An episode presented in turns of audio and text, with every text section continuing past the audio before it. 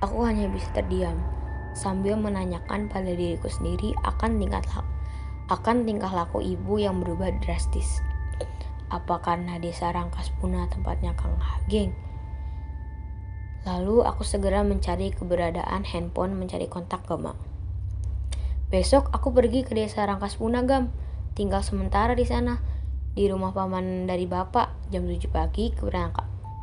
Jam 7 pagi berangkatnya. Bisa kan sebelum kamu ke sekolah temui aku dulu? Penting gam. Segera aku kirim pesan kepada Gama. Walaupun aku yakin tidak akan langsung dibalas oleh Gama, apalagi sudah larut malam. Barulah aku merasakan kesedihan untuk pertama kalinya di usiaku menginjak 27 tahun. Harus meninggalkan rumah dengan kesedihan harus meninggalkan rumah dengan segala kenangannya.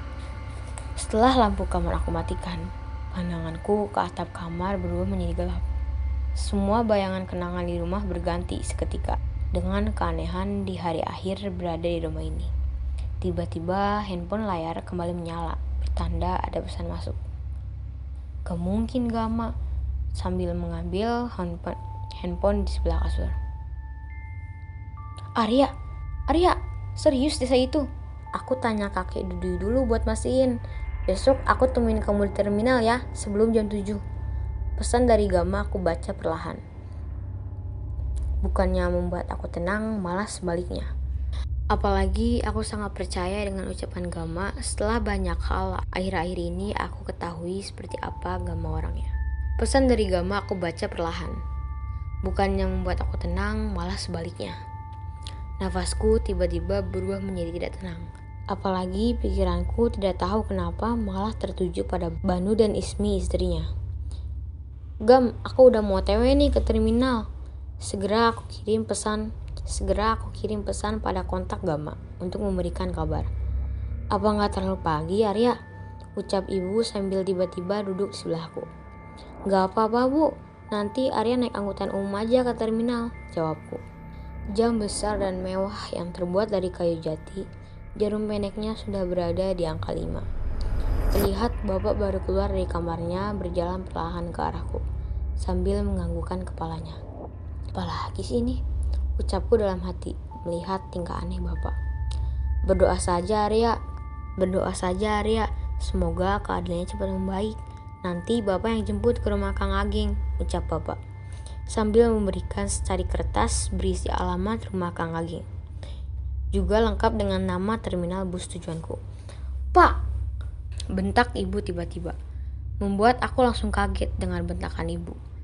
Sambil menerima kertas yang bapak berikan, bapak hanya menepuk pundakku kemudian berbalik badan begitu saja. Melangkah ke arah meja makan. Sudah bu, Arya berangkat dulu ya ucapku sambil menggendong tas karir berisikan barang-barangku. Ibu hanya mengangguk saja sambil mengantarkan aku berjalan ke depan rumah. Untuk pertama kalinya aku keluar rumah tanpa mobil dan motor mewah yang sebelumnya aku miliki. Maafin sikap ibu barusan, ucap ibu.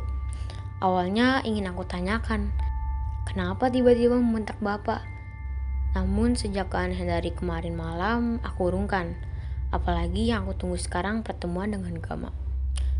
Baru aku sadari, ibu mengelap matanya berkali-kali, hanya karena tidak hanya karena tidak ingin terlihat olehku menangis. Padahal aku melihat jelas, membuatku semakin berat meninggalkan ibu dan rumah. Dengan segala yang terjadi dan perasaan cemas saat ini, tidak beralasan sama sekali. Bersama angin pagi yang perlahan menerpa badanku dengan segala rasa dinginnya, Aku sedang berjalan di bawah awan yang akan segera berganti dari gelap menjadi terang. Dengan segala kenyataan hidup yang sedang aku lalui, sebuah kehidupan yang sebelumnya tak pernah terbayangkan akan menjadi seperti ini. Sekedar tempat tinggal saja harus sampai menumpang di rumah paman. Keadaan yang tidak bisa ditolak, kecuali menerimanya dengan lapang dada. Beberapa warga yang berpapasan denganku jelas langsung melihat ke arahku dengan tatapan heran. Apalagi seorang anak laki-laki dari Akbar Pradipta, pemilik material kayu paling besar di kota ini, harus berjalan kaki melewati beberapa rumah warga dan sekarang sedang berdiri di pinggir jalan untuk menunggu angkutan kota yang melintas. Beberapa kali aku melihat handphone. Beruntungnya masih menjadi salah satu yang paling terbaru di tahun ini. Menanti balasan pesan dari Gama. Beberapa kali panggilan telepon sama sekali tidak Gama angkat. Ayolah Gam, angkat teleponnya. Ucapku mulai cemas. Apalagi angkutan kota belum ada yang terlewat. Sambil terus-menerus melihat jam tangan. Eh, Arya, tumben bawa tasnya besar sekali. Tanya Pak Hendar, salah satu tetanggaku. Tepat berhenti di depanku yang sedang berdiri. Mau ke terminal, Pak? Biasalah, Pak. Mau jalan aja. Jawabku sambil tersenyum walaupun berharap Pak Hendar menawarkan tumbangan, karena waktu sudah semakin pagi. Sekalian ini saya mau ke pasar, ayo naik ke Arya, tawar Pak Hendar. Gak apa-apa nih Pak, tanyaku. Saya aja kalau belanja ke material suka dikasih diskon. Gak apa-apa ayo, takut keburu mepet waktunya. Dari kejauhan saya melihat Arya, lihat jam tangan terus, jawab Pak Hendar. Tanpa berlama-lama, aku segera menaiki motor Pak Hendar. Nah guys, karena ceritanya masih panjang, tungguin terus ya part 3-nya.